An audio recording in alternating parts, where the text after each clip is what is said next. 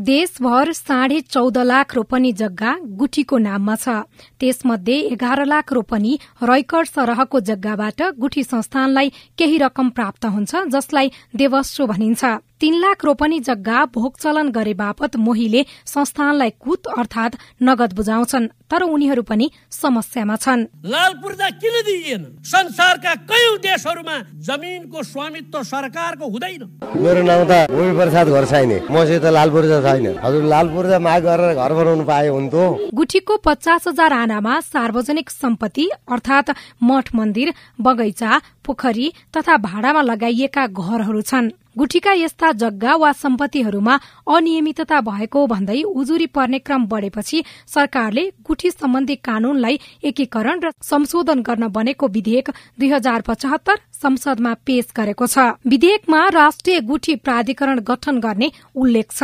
विधेयक पारित भए गुठीमा बस्दै आएका लाल पूर्जा विहीन नागरिकको समस्या समाधान हुने बताउनुहुन्छ। भूमि व्यवस्था सहकारी तथा गरिबी निवारण मन्त्रालयका प्रवक्ता जनकराज जोशी स्वाभाविकदेखि आफूले भोग चलन गरी आएको अनि आफ्नै स्वामित्वमा आफूले चाहिँ तिरो तिरेर आएको गुठी जग्गाको किसिम त्यो हो भने उसले चाहिँ आफ्नो नाममा पूर्जा पाउन सक्ने अवस्था रहन्छ।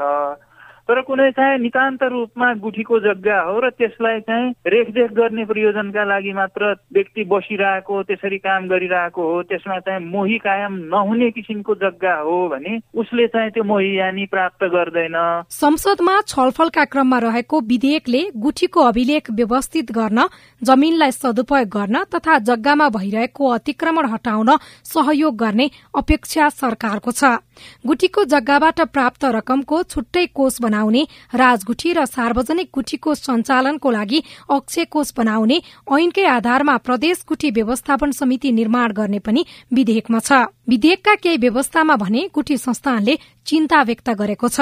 गुठी संस्थानका प्रवक्ता सरोज थपलिया। रैकर जग्गामा आदि किसानको भाग आदि चाहिँ जग्गा धनीको भाग हुन्छ नि। हो त्यही हिसाबमा हुनुपर्छ भन्ने हाम्रो प्रस्ताव हो। एक रोपनी जग्गा कमाएको छ भने आधी रोपनी जग्गा मोहीकै नाममा रेकर छ र रेकर नम्बरी नै हुने। आधी जग्गा चाहिँ गुठीको यो तैनाथी हुने। त्यो आधी जग्गा पनि मैले चाहिँ कमाएको मैले अब मैले लिन्छु भनेर चाह्यो भन्दाखेरि मालपोत रजिस्ट्रेसन मूल्यको रकम तिरेर चाहिँ उसले त्यो पनि लिन पाउने सुविधा दिने भन्ने कुरा हो। अहिले चाहिँ पच्चिस पर्सेन्ट मात्रै दियो भने त्यो आधी जग्गा पनि उसले पाउने भन्ने भएको छ। अब त्यसले चाहिँ चाहिँ गुठी चलाउनलाई अलिक गाह्रो हुन्छ अहिलेको समस्या भने हामीलाई त्यहाँनिर हो। गुठी संस्थानका अनुसार जनकपुरमा सबैभन्दा धेरै गुठीको जग्गा अतिक्रमण भएको छ भने त्यसपछि बारा पर्सा काठमाडौँ र ललितपुरका गुठीका जग्गा धेरै अतिक्रमण भएको छ। भोगचलन गरेर पैसा नतिर्ने सर्वसाधारण मात्रै छैनन्। गुठीका भवन तथा जग्गा उपयोग गरे बापत सरकारले पैंतिस अर्ब भन्दा बढ़ी रकम तिर्न बाँकी रहेको छ।